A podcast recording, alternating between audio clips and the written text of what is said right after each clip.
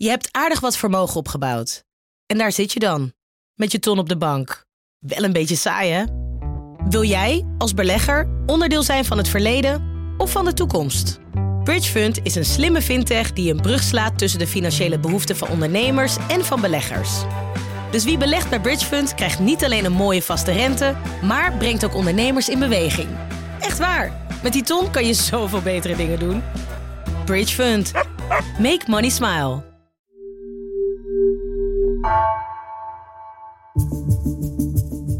Vanaf de redactie van NRC het verhaal van vandaag. Mijn naam is Floor Boon.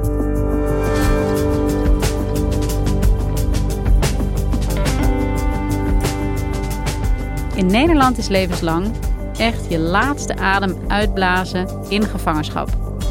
Toch verleende minister Sander Dekker vorige week gratie aan een tot levenslang veroordeelde moordenaar, nadat de rechter daar meermaals toe had beslist. De minister deed het met zichtbare tegenzin. Een houding die schadelijk is voor de rechtsstaat, vindt juridisch commentator Volker Jensma. Want ook daders zijn mensen. Ook zij hebben het recht op perspectief.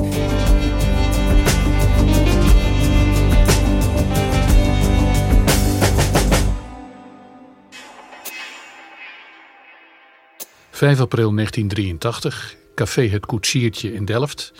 Eh, een beetje een marginale kroeg, dubieus publiek. En daar zitten die avond uh, een man of 18 verzameld aan de bar en uh, aan tafeltjes. En onder hen bevindt zich uh, C. En C had die dag wat te vieren. hij had zijn Nederlandse paspoort gekregen. Hij was genaturaliseerd van Turk naar Nederlander. En hij vertelde daarover. En er zou tegen hem gezegd zijn: dat maakt ons niks uit. Jij blijft voor ons gewoon een puntje, puntje Turk. Dus hij werd uitgescholden. Dat zou hij niet genomen hebben. Hij uh, gleed van zijn kruk af, verliet het café en keerde een kwartiertje later terug met een wapen. Een over zijn toeren geraakte bezoeker schoot als een dolle man in het rond in café Het Koetsiertje. Zes doden. De kastelein overleefde het. Toen zaten er twee jongens te kaarten, waarvan die één na verloop van vijf minuten opstond. En zo, zonder de gekke dingen, zomaar iemand een klant uit de zaak doodschoot, midden in zijn gezicht. En toen werd hij ineens zo gek en snel... dat in tijd van een paar seconden... moordde hij gelijk een, uh, een mevrouw met een dochtertje... waarvan de man ook een schot kreeg in zijn kaak.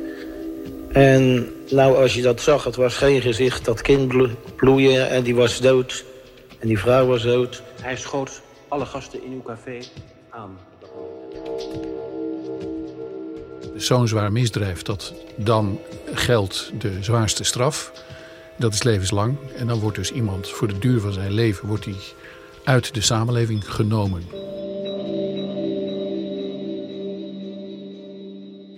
Dit is een hele oude zaak. We spreken bijna 38 jaar geleden. Ja. Waarom hebben we het hier nu over?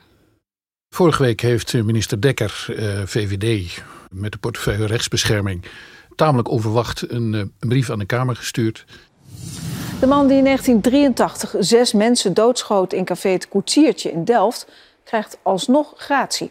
Minister Dekker doet het met tegenzin, maar zo schrijft hij nu aan de Tweede Kamer: er zijn geen juridische stappen meer mogelijk om de gratie af te wijzen.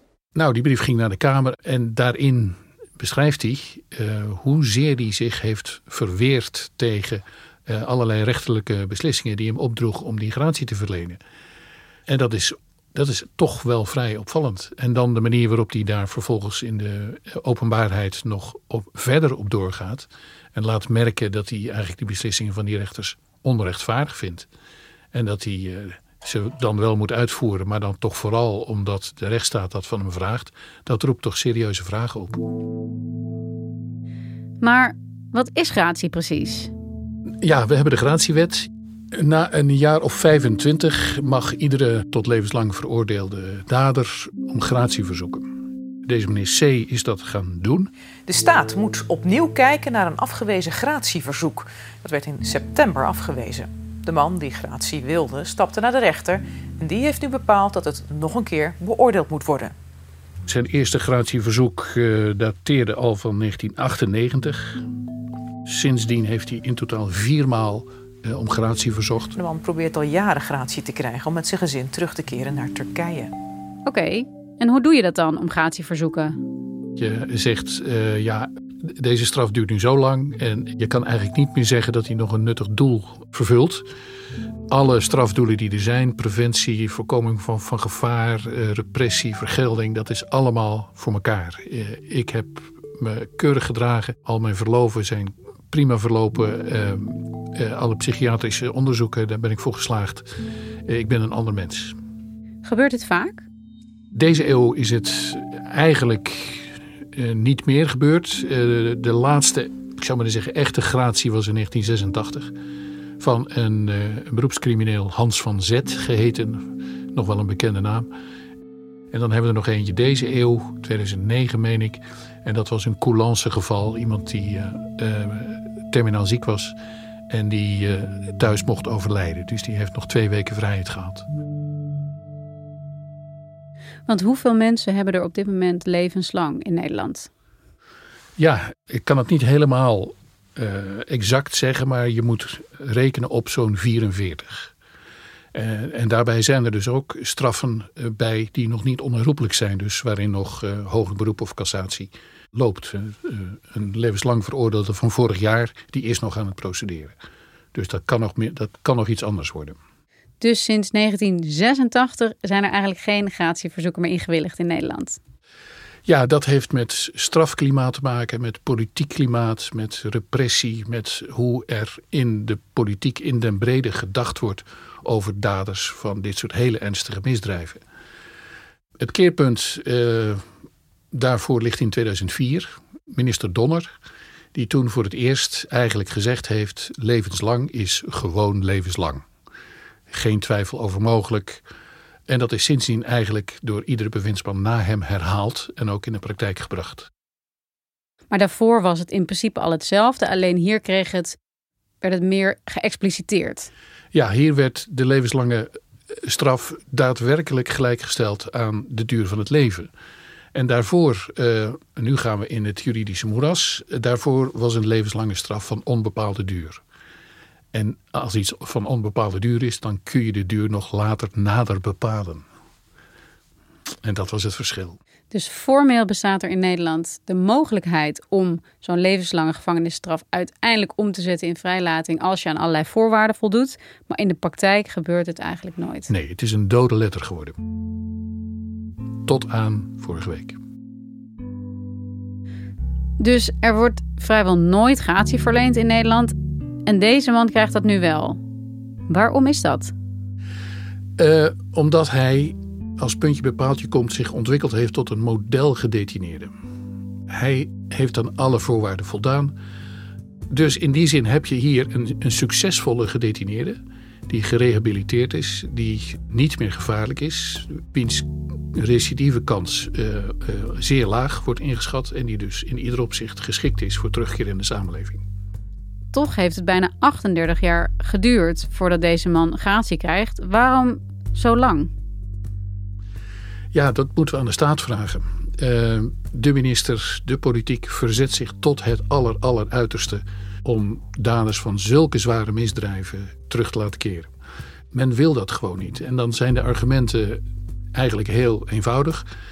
De minister denkt anders over gevaar dan de kliniek. Uh, de minister denkt anders over de kans op recidive dan de kliniek. De minister zegt, heel belangrijk argument, dit kan ik niet uitleggen aan de samenleving. En hij zegt, het recht op vergelding van de slachtoffers is nog niet verjaard. Uh, de vergelding moet doorgaan. Dus wij willen deze meneer, hoe die zich verder ook heeft ontwikkeld, nooit meer terugzien. Deze meneer hoort onder toezicht te blijven, liefst achter slot en grendel. En wij willen dus eigenlijk dat iedere tot levenslang veroordeelde nooit meer terugkeert. Maar de minister heeft dus wel het recht om zo'n beslissing van de rechter naast zich neer te leggen. Hij mag dit doen. Jazeker, uh, hij mag een andere afweging maken. Maar hij moet ook altijd advies vragen aan de rechter. Uh, dus je krijgt een dialoog, je krijgt een uitwisseling van argumenten. En je kan dus niet je eigen argument maar blijven herhalen in de hoop dat je eindelijk, uiteindelijk een rechter treft die het wel met jou eens is. Dus je komt een keer klem te zitten. En dat is precies de positie waarin de minister nu is beland. Ja, Sander Dekker heeft zijn eh, knopen geteld en zich gerealiseerd dat als hij zou volharden in het weigeren van gratie, dat dan eh, de straf levenslang zou verdampen. Dan zou geen strafrechter dat meer willen opleggen, omdat iedere rechter zich dan realiseert dat de minister zich niet aan deze wettelijke mogelijkheid wenst te houden. Dat is overigens heel grappig, is dat een vrees die al langer in de VVD een rol speelt. Uh, een van zijn voorgangers, Klaas Dijkhoff, die moest op enig moment uh, de wet veranderen. En die deed dat ook met dat in zijn, in zijn, in zijn voorhoofd. Uh, die levenslang straf moet gewoon blijven bestaan. Dus als ik niks doe, dan wordt het een soort museumstuk wat nooit meer gebruikt wordt. En dan zitten mensen dus niet lang genoeg vast. Daarom vind ik het mijn verantwoordelijkheid om het systeem aan te passen, zodat levenslang levensvatbaar blijft. Een ander risico dat Dekker loopt is als hij zou volharden in het weigeren van gratie, dat dan de advocaat van C naar Straatsburg zou gaan. Waar het Europese Hof voor de Rechten van de Mens zit. Het Hof daar heeft uh, al vaker over uh, levenslang gesproken. Sterker nog, heel Europa houdt zich aan de, het kader dat Straatsburg heeft geschetst. En het is een afgang als je daar als uh, keurig nette westerse voorbeeld terecht staat, dat je dat zoveel laat komen. Want wat is dat kader dat Europees geldt als het gaat over levenslange gevangenisstraffen? dat kader is dat iedere tot levenslang veroordeelde het recht heeft op uitzicht. En dat bedoel ik niet een raam in je cel, maar dat je weet uh, dat er ergens na een jaar of 25 een mogelijkheid is om te laten toetsen of voortzetting van je straf nog zin heeft. dat is dus geen recht op vrijlating, maar dat is recht op herziening. En de gedachte daarachter is, ik zou maar zeggen, het wezen van mensen zijn. Het Hof heeft gezegd dat de mens geen afval is. En in dat woord zit eigenlijk alles. Eh, als je mensen voor altijd opsluit en ze geen enkel perspectief biedt. En tegen ze zegt: Ja, de, de reden van jouw aanwezigheid is dat wij samen wachten op jouw dood. Uh, dan heb je mensen afgeschreven. En dat mag niet. Uh, je moet dus mensen altijd uh, hoop bieden. Maar hier kan het dus wel, alleen in de praktijk wordt het nooit toegekend. Nee. Wat voor het Europese Hof in Straatsburg belangrijk is, uh, is dat gratie ook daadwerkelijk bestaat. Uh, het moet gewoon niet alleen maar geweigerd worden, het moet ook een keertje toegestaan worden. Het moet, moet duidelijk zijn dat het kan, uh, dat dat uitzicht er ook daadwerkelijk is. En dan kom je er dus niet met de praktijk die we tot nu toe gehad hebben. En waar het toch er echt op lijkt dat geen enkele minister in geen enkel kabinet ooit uh, een gratie zou willen verlenen. En het Europees Hof voor de Rechten van de Mens, die kan de minister dus op de vingers stikken. Als Nederland dat realistische perspectief op gratie tijdens een levenslange gevangenisstraf niet kan bieden. De reden dat Straatsburg zich hiermee uh, mag bemoeien is uh, artikel 3 van het, van het verdrag. En daarin staat dat niemand mag worden onderworpen aan foltering of een onmenselijke of vernederende behandeling of bestraffing. Uh, en een levenslange gevangenisstraf zonder uitzicht wordt dus gezien als een onmenselijke of vernederende bestraffing. Als marteling. Als marteling, dus als foltering.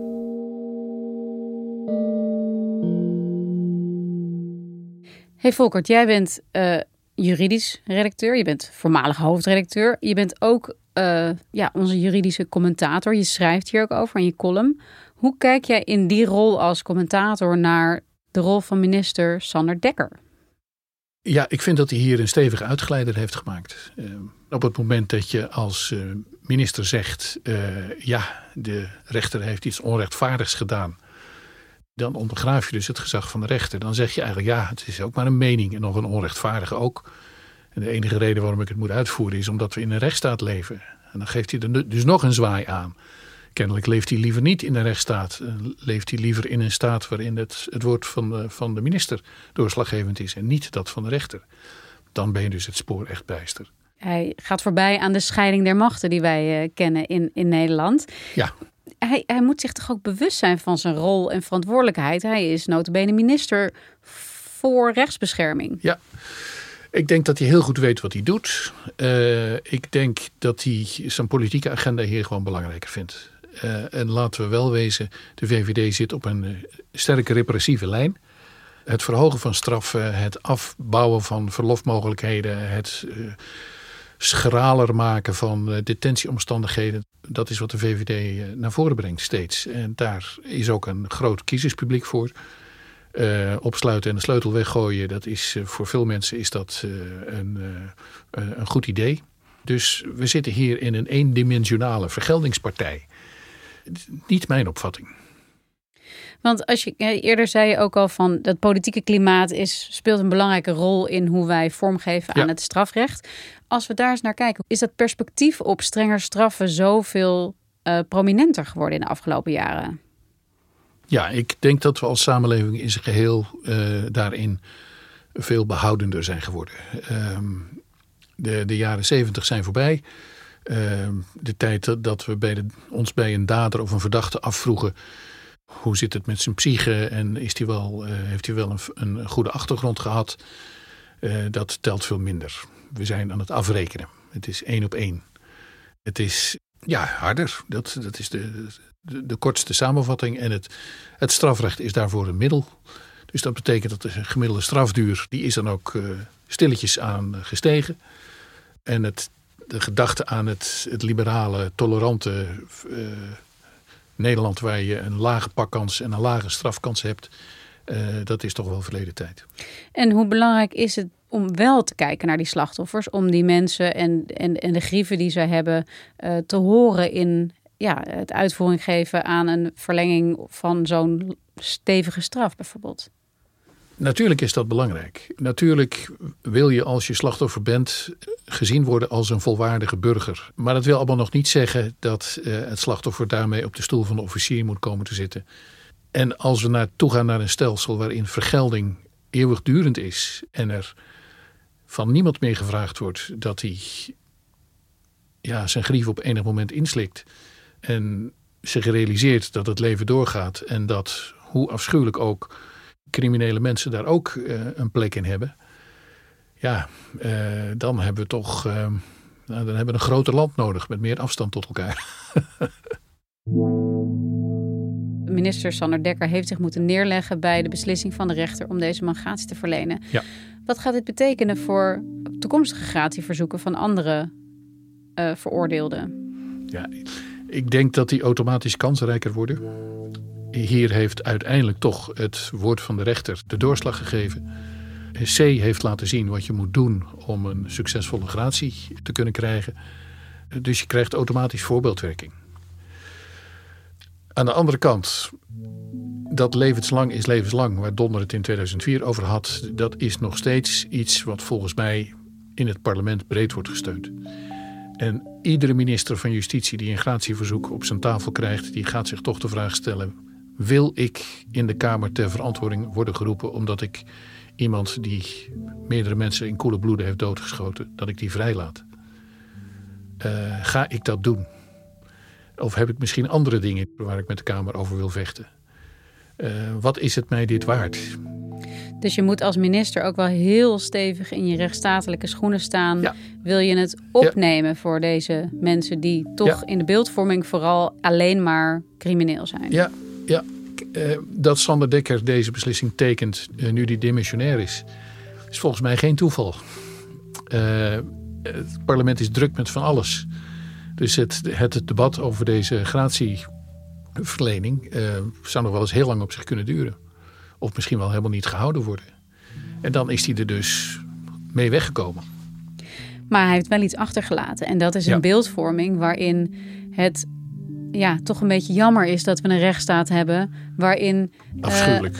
Ja. deze beslissing moest worden genomen. Ja, ja hij, heeft, hij heeft nog eens laten zien dat hij vindt dat uh, zijn opvatting over wat een mens is, of wat een mens mag zijn, uh, dat die een andere is dan het Europese Hof heeft uitgesproken. Hij zegt nog steeds. Levenslang is tot het natuurlijke levenseinde. En dat betekent dat we jou vergeten, dat we jou afschrijven, wij zijn in jou niet geïnteresseerd. Je hebt geen perspectief. Dat hoort ook zo. Wij gaan samen zitten wachten totdat jouw hart ermee ophoudt. En dan, eh, en dan zijn we pas tevreden.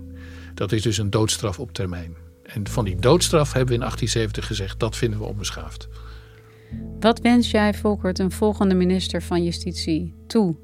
als het gaat over de houding die ze aannemen ten aanzien van het strafrecht? ik wens zo iemand toe uh, dat hij durft, dat hij wel durft uit te leggen wat uh, een humane beslissing is en wat de waarde van een mens is. Dat hij wel durft uit te leggen dat na 25 jaar of na 30 jaar uh, er herstel mogelijk is. dat iemand kan veranderen.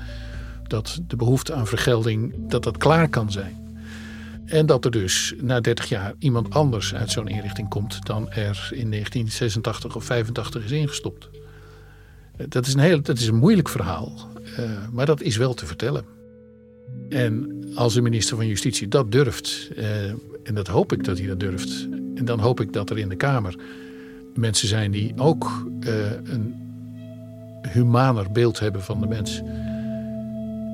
dan hoop ik dat we nou ja, een menselijker strafrecht krijgen op dit punt. Dankjewel, Volkert. Alsjeblieft. Je luisterde naar vandaag, een podcast van NRC.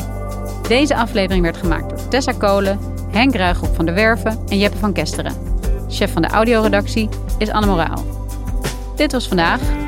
Maandag weer.